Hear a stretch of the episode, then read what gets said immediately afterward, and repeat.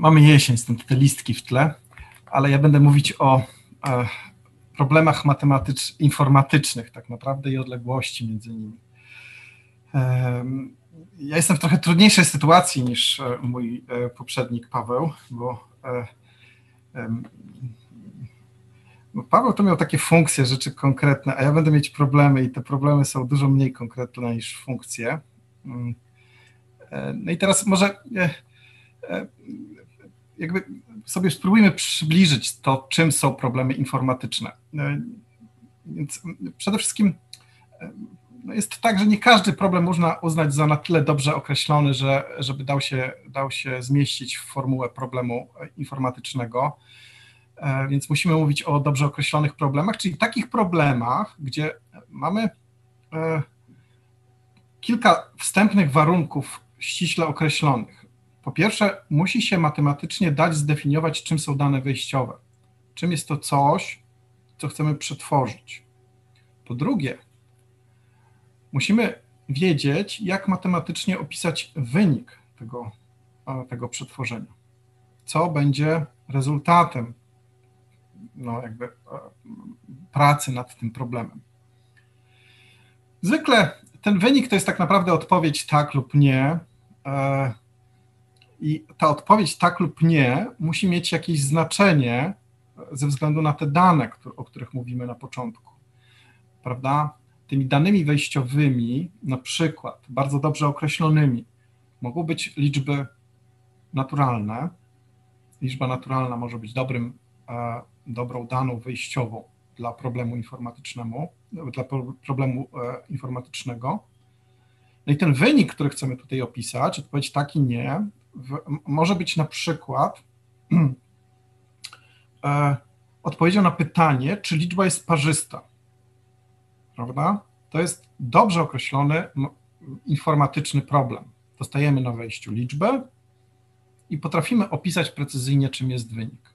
O takich problemach ja będę mówił tutaj.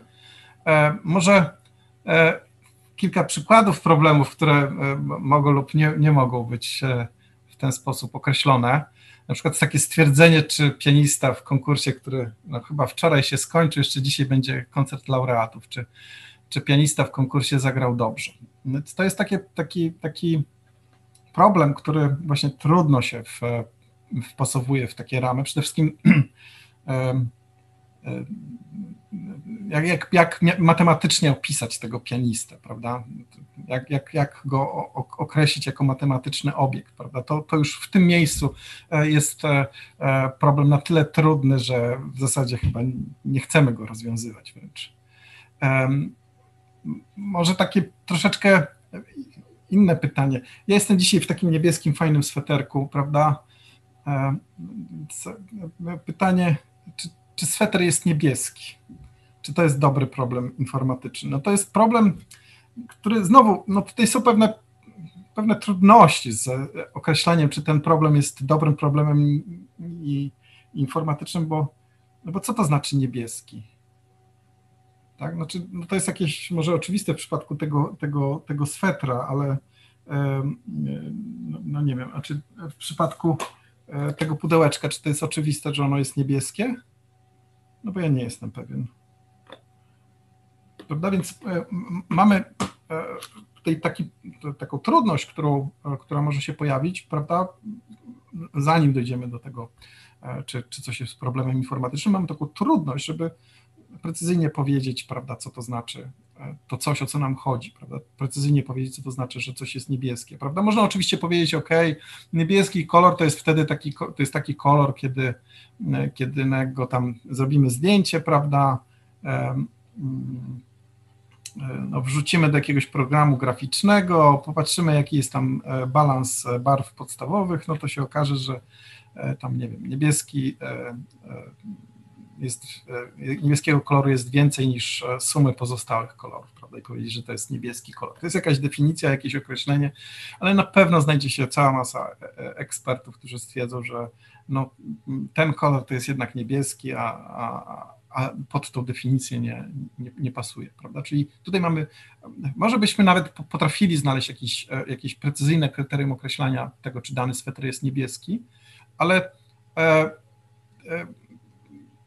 no, jakiego byśmy nie wybrali tutaj tego, tego kryterium, będzie ono mniej lub bardziej kontrowersyjne. To też nie jest dobry problem informatyczny. Natomiast ten przykład, który ja przed chwilą podałem, stwierdzenie, czy dana liczba naturalna jest parzysta, to jest przykład, który jest bardzo dobry, dlatego że e, liczba naturalna to jest bardzo precyzyjnie określony obiekt matematyczny, e, prawda, bardzo dobrze wiemy matematycznie, co to znaczy, że dana liczba jest parzysta. Możemy próbować pisać algorytm, który będzie e, sprawdzał, czy dana liczba jest parzysta trochę on będzie zależał od tego, w jaki sposób zareprezentujemy tą liczbę, czyli musimy mieć jakiś pomysł na to, jak tą liczbę należy zareprezentować. E, no znowu, jeśli chodzi o liczby e, naturalne, tutaj są co najmniej dwa takie e, często pojawiające się pomysły, jak zareprezentować liczbę naturalną, ale taki najbardziej, no w pewnym sensie naturalny, taki najbardziej powiedzmy wywodzący się z tego, czym jest liczba naturalna sposób reprezentacji, to jest po prostu ułożyć tyle jedynek, tyle pałeczek, tyle jakichś konkretnych symboli, e, no ile ta liczba wynosi, prawda? Czyli jeśli byśmy mieli liczbę 5, e, no to byśmy ułożyli 5 jedynek. Jeśli byśmy mieli liczbę 7, no to byśmy mieli 7 jedynek. No i tak dalej, i tak dalej. To jest e, to. No jest jeszcze takie, taki problem, który e, często się pojawia w e, różnych rozważaniach. Mamy dany program, e, pytanie, czy zatrzyma się na wskazanych danych. To też jest bardzo dobrze, bardzo dobrze, dobrze określony problem informatyczny prawda, mamy, możemy jakoś programy zapisać, prawda, w postaci, w postaci na przykład kodu w języku C, e, prawda, i możemy się pytać, czy ten kod zapisany w języku C zatrzyma się na tych danych, które mu tam damy na wejściu. No i teraz, jak już tak mniej więcej wiemy, co to są problemy, no to chcemy się zapytać, kiedy problemy są bliskie. Ja e, osobiście nie znam takiego sposobu, żeby powiedzieć, e, e, w jakiej konkretnie odległości są problemy. Nie potrafiłbym powiedzieć, e, jak daleko jest od siebie problem, jak, jak daleko jest, jak, jak daleko od siebie są takie dwa problemy, prawda? Sprawdzenie, czy liczba jest parzysta od problemu, czy sprawdzenia, czy liczba jest pierwsza, prawda? Jak daleko są te problemy? To bym chyba nie umiał łatwo powiedzieć. Natomiast E, to, co, nad czym ja bym się chciał skupić tutaj, to taki sposób mówienia właśnie o tym, że może nie będę powiedzi, potrafił powiedzieć, czy kilometr, czy dwa, e, czy, czy, czy e, dwa newtony, czy pięć, to jest ta odległość pomiędzy tymi dwoma problemami, ale no będę powiedział, że będę potrafił powiedzieć, że są bliskie problemy siebie. Bliskie w tym sensie, że jeden problem jest łatwo sprowadzić do drugiego. No i teraz, co to znaczy jeden problem sprowadzić do drugiego? Teraz to znaczy, że istnieje takie tłumaczenie zadań w tym pierwszym problemie na zadania w problemie drugim, które ma tę własność, że jak e, że umiemy rozwiązać zadanie A, gdy zadanie A jest rozwiązywalne w jakikolwiek sposób, to, to tłumaczenie tego zadania na na, na, na, zadania, na zadanie w problemie B, to to zadanie w problemie B też będzie rozwiązywalne. No i na odwrót, jeśli weźmiemy sobie tłumaczenie e, tego naszego zadania, przetłumaczymy je na zadania w problemie B, tak, przetłumaczymy, tam jakimś sposobem umiemy rozwiązać to, to, to, to nasze zadanie, to rozwiązanie tamże będzie także rozwiązaniem może nie będzie rozwiązaniem, ale istnienie rozwiązania tam będzie oznaczało, że istnieje, istnieje rozwiązanie w tym oryginalnym problemie, tym, od którego zaczynaliśmy. Prawda? Czyli chodzi o to, że rozwiązywalność e, problemu A jest e, równoważna rozwiązywalności w problemie B. I tu byśmy jeszcze chcieli coś takiego e, wiedzieć, że to tłumaczenie pomiędzy tymi dwoma problemami nie jest za drogie za dużo nas nie kosztuje. Prawda? To, jest to, to jest ta miara bliskości. Jeśli tłumaczenie jest drogie, to raczej będziemy uważali problemy za odległe. Jeśli tłumaczenie jest tanie, no to będziemy uważali problemy za bliskie. to może taki przykładzik, prawda, żeby lepiej to zrozumieć, może jak jak, jak można by było jakiś jeden problem e, sprowadzić do, do drugiego problemu, prawda? E, e, są te liczby. Ja początku, na początku mówiłem, że liczby naturalne można reprezentować w ten sposób, że liczba 5 no to jest 5 wystąpień jedynki, prawda? Bitu 1, jakiegoś jednego określonego znaczka, ale liczby można reprezentować również na inne sposoby. Można reprezentować liczby naturalne za pomocą ich rozwinięcia binarnego za pomocą ich reprezentacji dwójkowej, prawda? No to teraz to, co możemy, e, możemy uważać za, możemy teraz rozważać dwa problemy, prawda? Sprawdzenie, czy liczba e, jest naturalna parzysta, e, gdy ona jest zapisana w postaci tych, tej, tej, tej takiej za pomocą tych pałek, prawda? Tyle pałek, jaka jej wielkości jest liczba, i pytanie, czy liczba jest parzysta, gdy ona jest zareprezentowana w sposób binarny, za pomocą, za pomocą reprezentacji binarnej, za pomocą e, e, binarnej reprezentacji liczb. Prawda? Takie dwa problemy możemy mieć. I teraz okazuje się, że, że e, można te liczby naturalne zapisane w, w pierwszy sposób, no w miarę łatwo, mniej więcej wiemy, jak to robić, za, zareprezentować w postaci binarnej, i tam okazuje się, że przy postaci binarnej sprawdzenie tego, że, że liczba jest parzysta jest e, bardzo łatwe. No to takie, wiecie, no, patrzymy sobie na tą liczbę, no i tam na, na końcu jest takie, o, takie ładne, okrąglutkie zero. Jeśli jest zero, to liczba jest parzysta, jeśli jest jedynka, to znaczy, że liczba jest nieparzysta. Prawda? To jest, to jest e, taki sposób. No oczywiście tutaj być może jakby e, e cały ciężar tego, tego, co tu się dzieje, leży w, e, w E, no, w, w, tym obliczeniu reprezentacji binarnej, że tam, tam jest cała robota wykonywana, no, ale jest to jakieś tłumaczenie jednego na drugie. W każdym razie to dobrze, dobrze ilustruje, e, ilustruje e, to, to pojęcie sprowadzalności, o którym ja tutaj mówię, prawda, bo mm, jak liczba będzie parzysta, po sprowadzeniu do postaci binarnej tam na końcu będzie, będzie zero w, na, na najmniej znaczącym miejscu, prawda, no to to, to, to to oznaczać będzie, że ta oryginalna liczba była była e, parzysta. Z kolei jak e, liczba jest parzysta, no to po sprowadzeniu do postaci binarnej będziemy wiedzieli, że, że to, co tam mamy na końcu, na najmniej znaczącym miejscu jest 0. E, Dobrze, to teraz już z grubsza rzecz biorąc wiemy, co to znaczy, że no, kiedy będziemy uważali problemy za, za bliskie, wtedy, kiedy będziemy umieli znaleźć tłumaczenie jeden na drugi, ale takie tłumaczenie, które nie jest za drogie. Ale co to jeszcze znaczy, że coś jest nie za drogie? No, to zwykle w e, no, takim e, świecie informatycznym uważa się, że coś nie jest drogie, jeśli można to zrobić w czasie wielomianowym. Czyli jest, czy ta, ta, ta procedura tłumacząca liczby jedne rzeczy na drugie, liczby w reprezentacji takiej, no to się mówi, unarnej, za pomocą tych, tych pojedynczych, pojedynczych znaków do reprezentacji binarnej, że ta procedura, e, jeśli ona jest, jeśli ona jest wielomianowa, to, to, e, no to, to, jest, e, to jest dobre, to znaczy, że problemy są, są bliskie.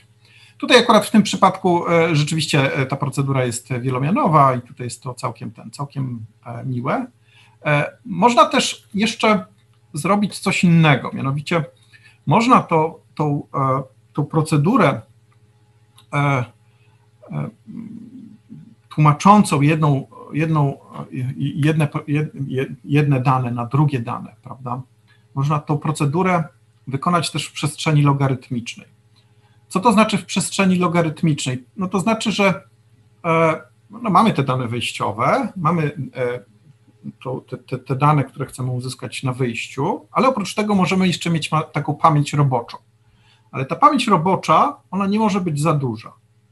W pewnym uproszczeniu, to jest taki najczęściej stosowany, najczęściej stosowany, stosowane przybliżenie tego, co to znaczy przestrzeń logarytmiczna, możemy sobie zapisać kilka adresów w tym, w tym wejściowym, w, tym wejścio, w tych wejściowych danych, prawda? kilka pozycji w tych wejściowych danych.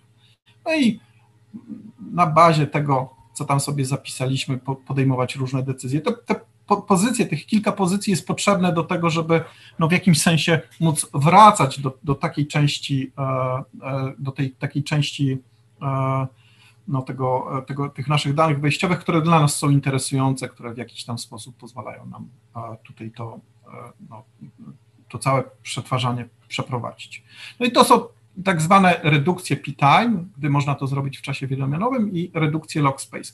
Redukcje log space to są takie redukcje, które e, są, e, no, e, każda redukcja log space jest tak naprawdę redukcją w czasie wielomianowym, dlatego że jak mamy do dyspozycji logarytmiczną ilość przestrzeni, no to jakbyśmy sobie w tej przestrzeni nie, nie, nie funkcjonowali, to sensownej, sensownego obliczenia możemy wykonać co najwyżej wielomianową ilość, wielomianową w stosunku do, do danych wejściowych w tym problemie początkowym, w problemie A z poprzedniego slajdu.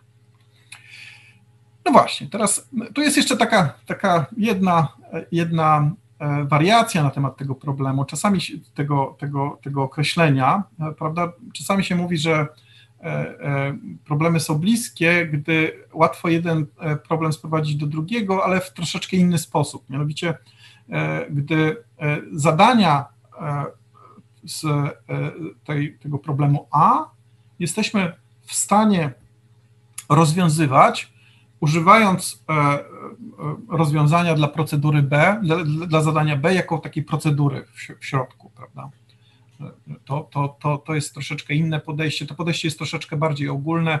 E, to, to, to podejście, które ja omawiałem na poprzednim, poprzednich slajdach, e, to jest e, szczególny, szczególny, pro, szczególny, szczególny przypadek tego, co, co, co teraz omawiam. Ale no, najczęściej się stosuje tak naprawdę tamto do porównywania problemów, tamto, tamto pierwsze podejście. To może taka ciekawostka w tym miejscu. E, nie wiadomo, czy z kolei, e, no jak mamy e, problemy sprowadzalne w tym drugim sensie, w tym, który teraz widzimy na slajdzie, to czy to się da sprowadzić do tego poprzedniego sensu. Tutaj no jakby elastyczność tego drugiego sposobu, tego, tego drugiego podejścia jest istotnie większa, na tyle duża, że nie wiadomo, nie wiadomo jak to, jak to jest jak, jak jedno do drugiego. Znaczy, e, czy e, nie wiadomo, czy ten drugi sposób się da sprowadzić do tego pierwszego. Ten pierwszy w oczywisty sposób jest szczególnym przypadkiem tego drugiego. No dobrze, teraz e, e, warto tutaj zwrócić uwagę na jeszcze jeden niuansik, mianowicie to, z czym my zwykle mamy do czynienia, gdy rozwiązujemy jakiś problem, to jest algorytm to jest jakaś procedura, która została zapisana, utrwalona w jakimś języku programowania. No i teraz taka procedura ma jakąś złożoność. Ma, to zwykle się mówi o złożoności pesymistycznej. Tutaj informatycy są e, bardzo pesymistyczni, jeśli chodzi o, o e, e, określanie złożoności, problem, o złożoności problemu. Mamy algorytmy. Dla nich jesteśmy w stanie określać złożoność, dlatego że no, ten algorytm e, wykona tysiąc kroków albo dwa tysiące kroków. Możemy sobie wy, na, na, podstawie kształtu tego algorytmu powiedzieć, że jak dane mają długość n, no to, e, no to ten algorytm nie będzie e, dłużej funkcjonował niż na przykład 2n plus 3 kroków, prawda? Procesor nie wykona więcej niż 2n plus 3 instrukcji albo 2n e, kwadrat instrukcji, albo 7n do trzeciej instrukcji, prawda? Tego typu, tego typu rzeczy są tutaj możliwe. I teraz okazuje się, że e, złożoność algorytmu to nie jest to samo, co złożoność problemu. E, problem może mieć wiele algorytmów, no i przyjmujemy, że złożoność problemu no to jest złożoność najlepszego algorytmu, tego, który jak najlepiej rozwiązuje to, co, o co chodzi. I teraz tutaj być może jeszcze e, na koniec powiem o, o takim twierdzeniu hierarchii czasowej. Twierdzenie o hierarchii czasowej mówi coś takiego, że jeśli jakaś funkcja jest funkcją konstruowalną czasowo, mniejsza o to, co to znaczy, to istnieje taki problem decyzyjny, taki problem informatyczny, który może być rozwiązany w czasie pesymistycznym, e, opisywanym przez tą funkcję f od n, ale e, znaczy nie może być przez f od n, ale może być rozwiązany w czasie pesymistycznym f n do kwadratu. Tak, czyli się nie da tak jak f od n, ale się da podnieść do kwadratu. No i tutaj mamy taką ciekawą obserwację, że jeśli sobie weźmiemy procedury, które działają w czasie n do k, do k tej, no to one oczywiście e, zgodnie z tym twierdzeniem hierarchii czasowej, to te procedury, tych procedur jest, czy, czy tych problemów, przepraszam, e, tego typu jest mniej niż pro, problemów, które działają e, w czasie n do 2 do k. A n do 2 do k to jest mniej niż 2 do n, prawda? Wszystko, co można zrobić w n do 2 do k, gdzie to k jest ustalone, to jest, można będzie zrobić też w czasie 2 do n.